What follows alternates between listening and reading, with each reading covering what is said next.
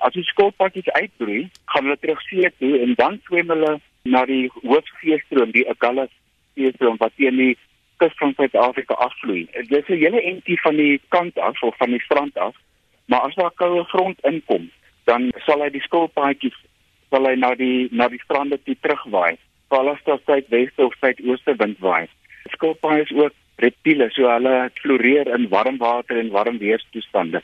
Maar as daar koue front met koue water kom, dan raak hulle so onaktief dat hulle eintlik hulle klein flippertjies bo op hulle ruggies neersit en uh, op die oppervlakte van die water dryf.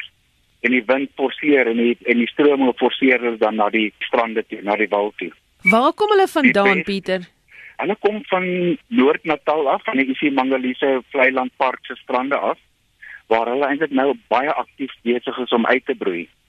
So daar is letterlik honderde duisende seeskilpadjies leerskoolpaadjies en loggerhead uh, karetskoolpaadjies wat nou terug aan see toe. Die skoolpaadjies spandeer hulle eerste omtrent 10 jaar op die oppervlak van die oseaan waar daar die meeste kos en die meeste uh, beskerming is vir hulle.